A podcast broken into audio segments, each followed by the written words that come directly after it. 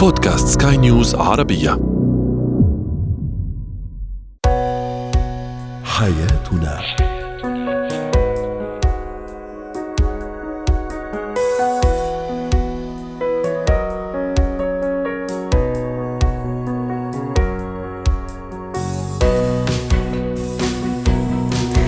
مستمعينا الكرام أهلا بكم معنا إلى حياتنا فضاؤكم اليومي الذي يعنى بشؤون الأسرة وباقي الشؤون الحياتية الأخرى والذي يمكنكم الاستماع اليه عبر منصة سكاي نيوز dot com slash podcast وباقي منصات سكاي نيوز العربية الأخرى. شاركونا عبر رقم الواتساب 00971 561 622 ثلاثة معي أنا أمال شاب. اليوم نتحدث عن علامات الغيرة الصامتة لدى الشريك. أشكالها أسبابها وكيف نتعامل معها. إلى أي مدى يهدد أو عفوا يشكل تهديد بعض الآباء لأبنائهم؟ بالهجران بالغياب تأثيرات سلبية على نفسية الطفل. وأخيرا اتكات الإقامة في الفندق. هو وهي. لا شك أن بعضا من الغيرة محمودة بل مطلوبة في العلاقة بين الزوجين. لكن اليوم نتحدث عن نوع معين من الغيرة اللي هي الغيرة الصامتة لماذا يعمد بعض الأزواج إلى التعبير عن غيرتهم بشكل صامت؟ بعض الزوجات أيضا وإن كنا قليلات في الحقيقة يعمدن للتعبير عن غيرتهن بشكل صامت. دعونا نتعرف عن الموضوع مع لنا أصأص الاستشارية الاجتماعية والأسرية. سعد أوقاتك أستاذة لانا. أهلا وسهلا فيك. لماذا يلجأ البعض للتعبير عن غيرته بشكل صامت؟ وعلى الطرف الآخر أن يستشف أو أن يفهم أنه هذا الصمت ما هو إلا غيرة. تأكل قلب هذا الشريك. نعم أه هلا هون الموضوع لما نحكي عن غيرة صامتة وعن وعلى عدم تعبير مباشر عن المشاعر اللي نحن معقولة تكون أه عم أه عم بتكون عم بتصير داخلنا. أه هون بنكون عم نحكي أول شيء عن مفهوم العلاقة وعن مفهوم مفهوم التعبير بهذه العلاقة أه عند عند الشخص. أوقات بيكون مرتبط ببعض المخاوف و خصوصا مرتبطة بالتعبير. يعني أنا بخاف أعبر إني أنا بغار على شريكي لأنه بخاف من ردة فعله أو بخاف من الصورة اللي بده ياخذها عني. أو بخاف ممكن أحيانا راح أفتح قوس ممكن أحيانا يستغلها بشكل سلبي ممكن الطرف الآخر لما يعرف إنه أنا عم غار. هذا ممكن عم يفكر فيه البعض. نعم نعم صحيح. أوقات بي بيكون عم ينتج الغيرة بتكون هي غيرة آه مثل مثل الغيرة اللي هي أوقات مرضية. م. بتكون نتيجتها عدم الشعور بالأمان وعدم آه الثقة بالنفس. وعدم إذا بدك عدم الثقة بأنه هيدي العلاقة حتكون مستمرة والخوف من الخذلان والخوف من إنه هذا الشخص يكون عم يغدرني ويتركني بالوقت اللاحق. فبتصير أنا في عندي هيدي المخاوف وهدول الأفكار اللي هي بتخليني فوت بدوامات غيره ما بقدر أكون عم بعبر عنها بطريقة مباشرة لأني أنا أصلا بخاف من هيدي المخاوف. يعني بيني وبين حالي أنا مش مقتنعة بهذه المخاوف وخليني احس بعدم الأمان. فما بقدر أكون عم شاركها مع الشخص الشخص المقابلي آه كمان معقولة كمان أستاذة لنا عم نتساءل ونتفكر بصوت عالي. آه ممكن كمان شخصية الشخص يعني كمان عندها عندها عندها داخل في هالموضوع في بعض الأشخاص إذا زعل إذا غار نعم. يفضل إنه يصمت على أمل إنه الطرف الآخر ممكن يفهم. في أشخاص أخرين ممكن يستخدموه كنوع من العقاب كنوع من القصاص إذا صح التعبير بين قوسين آه إنه آه أنا أعبر بهذا الصمت واعبر عن غيرتي بهذا الصمت ولك أنت أو لك أنت أن تفهمي أو تفهم آه سبب هذا هذا الصمت. نعم نعم. هون أول شيء لما نحكي عن شخصيات بنكون عم نحكي عن شخصيات آه كتونة. بنكون عم نحكي عن شخصيات منغلقة بمحل من المحلات. ما بتقدر تكون عم بتعبر بالطريقة المنفتحة للشخص الثاني. هون شخص بيكون عم بيعيش المشاعر مع حاله. أحيانا نرجسية أيضا. أحيانا أقول نرجسية إذا كان مثلا هو أسلوب عقابي مثلا يتخذه الشريك كاسلوب عقابي. نعم. هلا حنحكي عن هذا الموضوع. م. نعم حنحكي عن هذا الموضوع كله بيختلف. لأنه أوقات بيكون عم بيفكروا أو يعني أوقات الأشخاص بيفكر إنه أنا إذا شخصيتي كتومة يعني أنا عم بستعمل هذا الكتمان لعاقب الشخص الثاني. وهو مش هيك. فبدنا نفرق.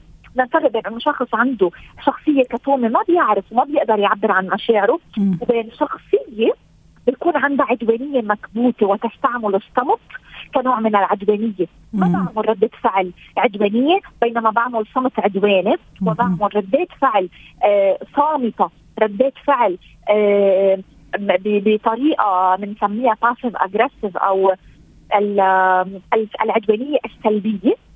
ما بكون عم خلي الشخص الثاني ياخذ علي ولا مأخذ بتصرفاتي ولكن أنا بنظراتي بهمساتي آه، بالتصرفات الملموسة وغير الملموسة بكون عم ببعث اشارات عدوانية للشخص الثاني بتخليه يحس بالشك والريبه وبتخليه يحس بالخوف وبتخليه يحس بعدم الاطمئنان. جميل. واكيد وأكيد أيوه حضرتك ذكرتي نقطة كثير مهمة عدم الاطمئنان اللي هو تماما ضد المغزى السامي من هذه العلاقة المقدسة علاقة الزواج اللي هو الشعور بالاطمئنان الشعور بالراحة الشعور بالسكينة. هذه كثير كثير مهمة. طيب أكيد لا شك أنه الأمر متعب جدا لما الشريك الطرف الآخر يعبر عن هذه الغيرة بشكل صامت ودائما. يعني مش هو موقف أو اثنين لا هذه طريقته في التعبير أو هذه طريقتها في التعبير. أكيد الأمر متعب لأنه في النهاية الصراحة جميل الحوار جميل لما نقعد نحكي ونتحاور صحيح. وأنا أعبر عن سبب غيرتي وعن سبب امتعاضي كيف الطريقة أستاذة لانا؟ إذا فعلا أنا عندي شريك يغار بشكل صامت ويعبر بشكل صامت أو شريكة أيضا تعبر بشكل صامت. وإن قلنا كمان ويا ريت تعطيني رأيك في الموضوع. عادة يعني هذه صفة شوية عند الرجل لأنه المرأة كمان معروفة إنه بتحب تحكي بتحب تفضفض يعني تحب تعبر. ما عندها مشكلة في التعبير. هلأ الغيره الصامتة هي مشكله اوقات بيواجهوها الكابلز عند الرجال وعند النساء. يعني منا آه منا أكثر عند يعني مش محصورة فقط عند الرجال. بنشوفها عند ال... مش محصورة صحيح. آه، بنشوفها عند المرأة وبنشوفها عند الرجل. آه، ولكن أكيد بتكون عم بتولد آه، بمحل من المحلات مثل ما قلنا شعور بعدم الاطمئنان وشعور بعدم الارتياح بهيدي العلاقة. علشان هيك نحن بنقول على طول إنه الحوار والنقاش الصريح هو الحل الأمثل. إني أنا أحكي إني أنا أدعي الشخص الثاني كون عم كون عم بعمل أنا وياه نقاشات حول ما أنا عم بحسه حول آه، شو شو الأمور اللي عم بعيشها شو المشاعر اللي عم بحسها شو الأفكار اللي عم بت اللي عم بتراودني. اكون عم بحكيها بشكل بشكل مباشر وهون على الشريك الآخر أن يتفهم الشريك الثاني إنه يكون عم بيعطيه الثقة إنه يكون عم بيحسسه بالأمان إنه يكون عم بيحسسه بالتجاوب ويكون عم بي عم بيتجاوب معه بشو هو شو اللي عم بيحكيه وأهم شيء إنه نكون عم نعمل نتصرف بطريقة التفهم لأنه ال understanding technique أو تقنية التفهم هي تقنية جدا آه، مفيدة للنقاشات لأنه أنا ما بكون عم بسمع لدافع. أنا بكون آه. بسمع لأفهم. أنا بكون عم بسمع لأتفهم الشخص الثاني لأساعد حالي وساعد الشخص الثاني لنبني علاقه أفضل لنبني علاقه صحيه أكثر فبالتالي أنا كيف عم بسمع الشخص الثاني؟ وأنا كيف عم ب... أنا كيف رايي باللي باللي عم بقوله الشخص الثاني كثير مهم. آه وإني شجع الشخص اللي مقديري إنه ما يكون عم بيحكيني بطريقة صامتة. آه آه, آه، يعني ما يكون عم بيعبر مثل ما قلنا بطرق آه، مغايرة وبطرق غير واضحة. وأنا عم شجعه إنه أنت عندك شيء تعقل لي مباشرة. أنا حأسمعك أنا حأفهمك أنا حأدعمك. اكون جاهزة بجسدي وبعقلي وبكل كل. كل الأمور اللي فيه لأنه الهدف كمان من هذه العلاقة مش إنه ندخل في في حروب سواء حروب باردة أو حروب معلنة هذا الزواج أو العلاقة الزوجية علاقة جدا مقدسة وأبسط بكثير مما البعض يعتقد وأجمل كمان بكثير من من البعض أو مما يعتقده البعض. شكرا لك لنا أساس الأستاذة الاستشاريه الاجتماعية والأسرية ضيفتنا من بيروت. زينة الحياة. اليوم نتحدث عن خطورة لجوء بعض الآباء أولياء الأمور لتهديد أطفالهم بالهجران بالغياب تروح المدرسة وترجع ما بتلاقيني لأني أنا زعلان آه كثير عليه كل يوم ومنا كل يوم يعني من هذا من هذه التهديدات بالهجر والغياب. الهجران والغياب. رحبوا معي بالخبيرة التربوية نور وليد ضيفتنا العزيزة يسعد أوقاتك أستاذة نور. أتصور في البعض ممكن الأشخاص اللي عم يسمعونا الآن ممكن مروا بهذا التجربة أو ممكن يعني قالت لهم أو هم قالوها. أحيانا ممكن عم يمزحوا صيغة مبالغة شوي في لحظة عصبية شوي كمان إني أهدد ابني إنه لأنه زعلتني اليوم أنا مش مبسوطة منك اليوم آه، رح تروح وترجع ما بتلاقيني. آه، أنا كثير معصبة فأنا لما تروح المدرسة وترجع ما بتلاقيني وممكن أنا رايحة هلأ مشوار بس ما رح أرجع. أنا شو ممكن عم أعمل بطفلي أستاذة نور لما أعطيه هذا الكلمات في وقت أنه أنا مفروض أكون مصدر الأمان عنده كأب وأم؟ بلحظتها الأهل لما يقولوا لأولادهم إنه إحنا حنترككم الولد ردة فعله اول شيء بصير يبكي وبيحكي لا أو أو بيحضنهم هاي اللحظة يمكن الام تشعر إنه آه ابني بحبني بس كمان صح. لو تكررت في البعض ممكن يضحك كمان بسخرية. وشفناها. مزبوط مزبوط بس إذا تكررت ما عم بيستوعبوا إنه هاي حتكون مردود عكسي جدا للأطفال مم. ولما يكبروا حيشعروا زي ما حكيتي إنه ما في أمان. يعني أنا أمي ممكن تتركني تتخلى عني أهل الأهل أو الأم أو الأب وهي فيها مردودات مردودات عكسية أيضا إنه ممكن يوصل لل... للوسواس القهري إنه ممكن المراهق الطفل ليوصل لعمر المراهقة يصير عنده وساويس مع أهله إنه ما بيشعر بالأمان بالبيت إنه هدول بتخلوا عنه بأي... بأبسط مشكلة. مشكله صح. ممكن هو يصير عنده مشاكل يخاف يحكي مع أهله لأنه ممكن يقولوا له إحنا متخلين عنك حتى بالمشاكل نفسها. فهي مردودها كثير سلبي مع الأسف والأهل بنفس اللحظة بفكروها لا إن هي صح. الولد بعيط عشان هو محتاج لأنه هذا دليل على مقياس الحب آه هو مقياس حب بس بنفس الوقت أنت عم تعطيه عدم الأمان والخوف وفيها مردودات مردودات عكسية لقدام أستاذة نور كمان شفناها يعني صارت كثير وللأسف حتى تصورت أحيانا على ال social media آه، اني اعمل تجربة اني اتخبى لابني ورا مثلا ورا الباب يدخل هو صغير مثلا جاي من الروضة من المدرسة ينادي ماما ماما مش لاقيني فأقوم يقوم داخل في نوبة هستيرية من البكاء من الصراخ وأنا عم أتفرج بكل برود وممكن كمان أضحك. بالنسبة لي هي مجرد تجربة لكن لا هي عم تعمل عنده رد فعل كثير قوي وكثير كبير وحتى وإن أحيانا ما بيعبر في نفس اللحظة أو بالطريقة الصح لكن أكيد راح تعمل عنده شرخ كبير اللي هو عدم الأمان. ما هي هي مع الأسف الأهالي مرات بيضحكوا على ردة فعل الأولاد لما يبكوا.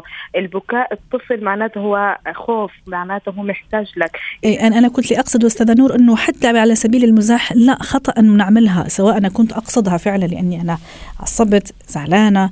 آه، أنا أصلا وصلت لمرحلة خلص يعني أعصابي فلتانة ممكن قلتها. لكن أحيانا لا على سبيل كمان الدعابة أو المزاح كمان هذا شيء خطأ أستاذة نور. ما هي هي إنه حتى كدعابه انه لما نمزح بهذا الموضوع الطفل لما يبكي نحن نستهين بمشاعره. يصير عنده البكاء عادي جدا فالولد بالأخير بيشعر لقدام إنه شو ما بكي ما بيشعر. ليش بعدين بالأخير بيشكوا الأهل إنه أولادنا بضلوا يصرخوا ويبكوا إحنا ما بنفهم شو بدهم؟ لأنه إحنا عودناهم إنه نبكي حتى نخليهم يبكوا حتى بالمزح. يعني نحن ما اعطينا حق الحزن اللي عند الطفل لما يكون إحنا عم نمزح معه بطريقة آه، زي إنه الهجران أو إنه إحنا عم نمزح معه بطريقه إنه آه، إنه نخليه يتضايق. فصف الولد دائما حزين دائما بيبكي من سلوكياتنا. ونقطة إنه لما نحكي له إحنا نبعد عنك والولد يغير من سلوكياته بهي الطريقة نحن عم نختصر التربية. يعني كيف؟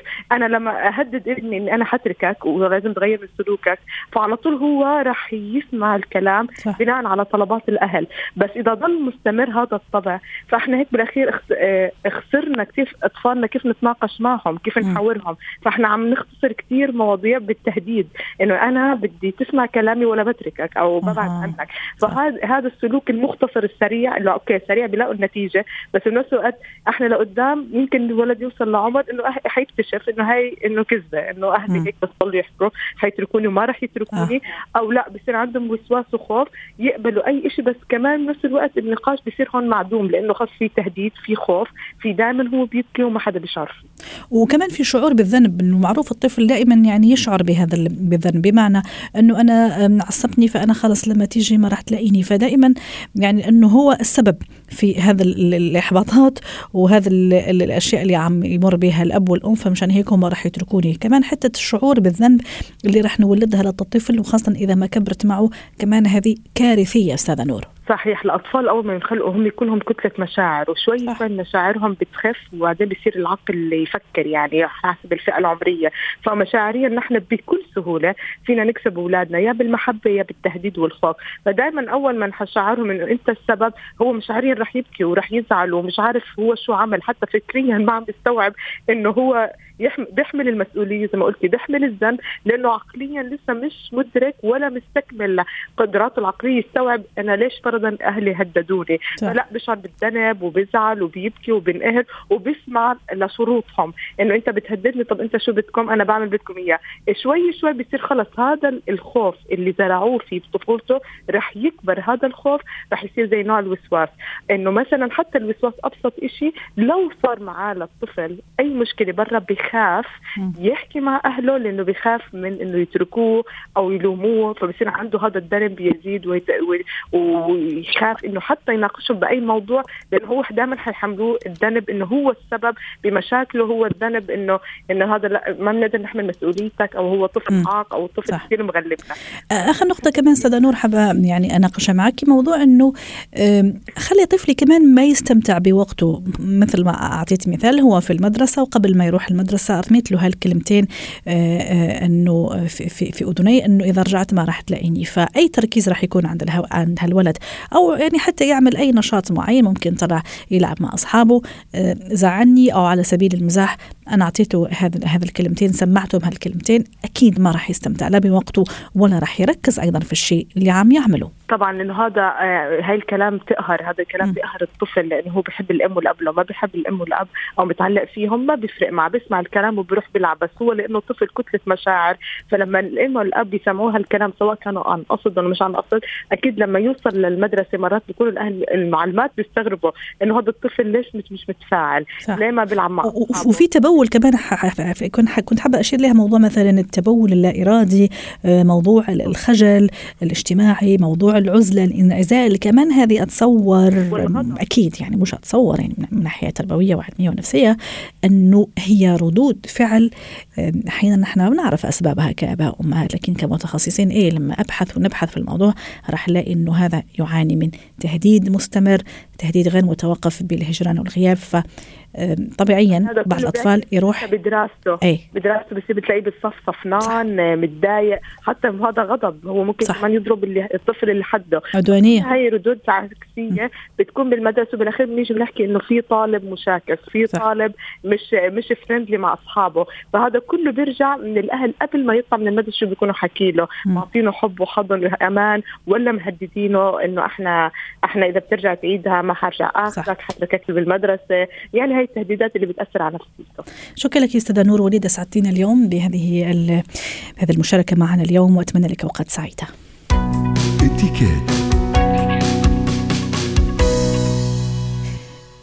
الفترة الآن هي فترة عطلة عطلة نهاية السنة عند البعض يحب ياخذها مع نهاية السنة أعياد الميلاد المدارس أيضا في بعض المناطق وبعض البلدان وأكيد ممكن في البعض يحب يسافر ويخير ويختار فصل الشتاء كفصل يعني مميز لقضاء العطلة. ولما نقول عطلة خاصة لما تستدعي السفر نقول فنادق أو فندق. اليوم نتحدث عن اتكات الإقامة. في الفندق شو هي الأشياء اللي لازم أخذها بعين الاعتبار وأحترمها أيضا. رحبوا معي بوفاء جواد الشطي مدرب معتمد في فن الإتيكيت والتواصل يسعد أوقاتك أستاذة وفاء. وكأني لما شفت رقم تليفون حضرتك في باريس اليوم عم تحكينا من باريس؟ أي نعم. وفي إجازة؟ يعيش بالخير وعلى وفي إجازة وفي فندق؟ حاليا في إجازة في باريس. حاليا تحديدا في قطار يعني. وفي فندق كمان يعني شوفي يعني إيه، جبنا الشخص الصح اللي يحكي لنا على الموضوع اليوم. جميلة جدا. يا إجازة سعيدة إن شاء الله بالأجواء الشتوية الجميلة والباردة في في في باريس. ست وفاء أكيد الإقامة في الفندق لها طريقتها وآدابها سواء في الغرفة اللي يعطوني إياها القائمين على الفندق أو حتى كمان من ساعة ما ندخل من الفندق لنستلم المفتاح ثم نتعامل مع الشخص اللي يدينا الشنط وما إلى ذلك. حدثينا عن أبرز الاتيكات والأشياء اللي لازم أخذها بعين الاعتبار. كمان ناخذ باعتبار المجتمع اللي أنا فيه وطبيعة الناس اللي أنا فيهم والثقافة والتقاليد اللي أنا في هذا البلد وفي هذا الفندق أيضا اللي نازلة فيه. فعلا مثل ما تفضلت يعني هي البداية مراعاة التقاليد والعادات اللي موجودة في في البلد المضيف. فالبداية لما أروح الفندق أكيد أول شيء راح ألتقي في ال reception. لازم أنتظر دوري. لأن في أوقات يكون هناك في مراجعين آخرين. صح. المفروض إني أنا أنتظر دوري بعدين أبتدي أطلع تكون أوراقي جاهزة ال confirmation للحجز يكون جاهز بحيث إني أسرع الوقت علشان الناس اللي تنتظر. صح. انه أحيانا كمان معليش نفتح قوس على سيرة ننتظر دوري. أحيانا ممكن واحد جاي من السفر تعبان ساعات طويلة من السفر فحاب فقط يخلص ويطلع لغرفته على أمل إنه يرتاح. ففعلا أحيانا يكون في بعض التجاوزات في ال reception ممكن احب أنا أكون الأول. أو أنا أكون الأولى على حساب ناس آخرين. فالشاهد في الموضوع إنه فعلا موضوع الالتزام بال queue وبال يعني هذا كثير ضروري. إي لأن كل الناس جاية من سفر وكل صح. الناس عندها ظروفها. يعني ما يصير أنا بس أقيس الوضع على وضعي أنا. صح. وبعدين لما أروح أستلم الغرفة طبعا هناك في شخص أكيد راح يساعدني ويوديني للغرفة. أه طبعا الابتسامة والشكر التعامل معاه بذوق كثير مهم إني أنا أحترم هذا الشخص اللي قاعد يساعدني يعني حتى لو كان المسمى الوظيفي مسمى بسيط ولكن طبعا. واجب علي ان أنا أحترمه لأنه قاعد يساعدني يخدمني في النهاية. صح وموضوع الإكراميات هون أستاذة وفاء آه، كيف تشوفيه مثلا مع العامل اللي حضرتك زي ما تفضلتي قاعد يساعدني بصدر رحب وبابتسامه وبيعمل مجهوده يعني حتى وإن كان هذا عمل وموضوع الإكراميات أستاذة وفاء. والله شوف الإكرامية هذه يعني من من الشخص نفسه إذا قادر أنه هو يعطي يعطي ولكن هم يعطيها بذوق أولا أيوة. لازم يحط الفلوس في إيده مباشرة بحيث يعني شفت إحنا عندنا حديث نبوي لا لما تعطي في اليمين لا تعلم عنها الشمال صح. هذا نوع من الذوق إن أنا ما أجاهر في الإكرامية وأحرجه وأحسسه كأن أنا قاعدة أمن عليه في هذه الإكرامية م. لازم اعطيها بذوق وأشكره إنه هو خدمني وإنه هو ساعدني وأيضا المحافظة على الغرف ونظافتها وأيضا المحافظة على الأشياء والاجهزه اللي موجودة في الغرف. كثير صح مهم. صح صح. آه، مهم إني أراعي أيضا عدم الإزعاج لأن أنت عارفة الأغلب الفنادق ما يكون هناك في عازل صوت في الممرات وهذا. فالمفروض إني أنا أحافظ على آه، الهدوء. صح, صح. وأيضا لما تكون عندي أجل خاصة مثلا إذا رجعنا في وقت ممكن في عندنا سهرة في عندنا طلعة في مناسبة ممكن أحيانا الواحد لما يرجع يعني ينسى حاله شوي ممكن أصوات إزعاج وهذا كمان يعني يعتبر إنه عدم احترام لخصوصية الآخرين يعني اللي في الفندق. صراخ الأطفال أي. ركضهم في الممرات. صح. هذه كلها أنا لازم أراعيها. التلفزيون ما يكون صوته عالي. صح صحيح. موضوع كمان كثير يعني يكثر الحديث عنه لما احكي في في فنادق. شو اللي يحق لي إني اخذه معي وشو اللي ما يحق لي إني اخذه معي شوفي اللي أقدر إني أخذه معي هي الأدوات الشخصية اللي مثل فرش الأسنان القطن اللي موجود المشط الصغير اللي ينحط هذا اللي أنا مسموح لي. ولكن الفوط السشوار أجهزة الغلاية هذه كلها ما هي مسموحة لي. هذه أدوات وضعت بالغرفة علشان تسهل آه، فترة إقامتي فقط لا أكثر ولا أقل. صحيح صحيح. ولكن إحنا للأسف نشوف هناك بعض الناس يعني وهو طالع ياخذ كل الأغراض اللي موجودة وهذه لا ما هي من حقه ممكن أحيانا يعني كمان عدم عدم دراية يعني في بالموضوع يعني في أغلب الأحيان يعني أكيد منه منه منه متعمد. أحيانا كمان أستاذة وفاء ممكن أنا أضطر أني أستقبل ضيوف كمان في في في مكان إقامتي أو في غرفة إقامتي. فهذا كثير كمان ضروري ممكن نشوف الناس كمان ما تراعي الخصوصية ممكن تستقبل هذا الضيوف وكأنها في بيتها عرفتي كيف؟ من ناحية الصوت من ناحية نعم. الازعاج فتح باب الغرفة غلقها بشكل يعني غير لائق. فهذا كمان بيعمل إزعاج. لنزلاء الفندق وممكن حتى إحراج. للعاملين ممكن أنا أضطر أني أكلم ريسبشن أنه ترى في الغرفة الفلانية أو كذا كذا يعني في, في إزعاج. فكثير ضروري كمان مهم أني أخذ بعين الاعتبار هذا الموضوع. طبعا شوفي إذا كانت حجم الغرفة تسمح هناك بعض الغرف تكون صغيرة للإقامة الشخصية وما تسمح أني أنا أستقبل عدد من الضيوف. فالأفضل إنه يكون استقبلهم في اللوبي في الأماكن المخصصة. يعني حتى شوفي بغض النظر عن الإزعاج الغرفة فيها كثير خصوصية. صح. فيها اغراضي الخاصه لأن المكان ضيق. ضيق. اشياء صح. لازم الضيف ما يشوفها. صح.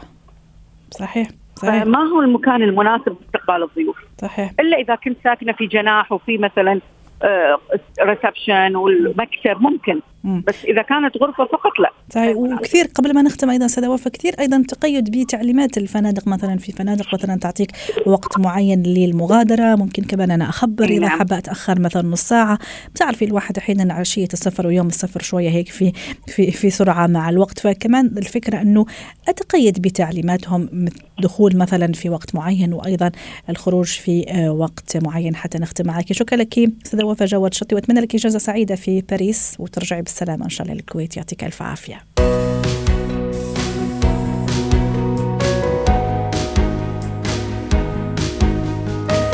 ختام حلقة اليوم من حياتنا. شكرا لكم وإلى اللقاء.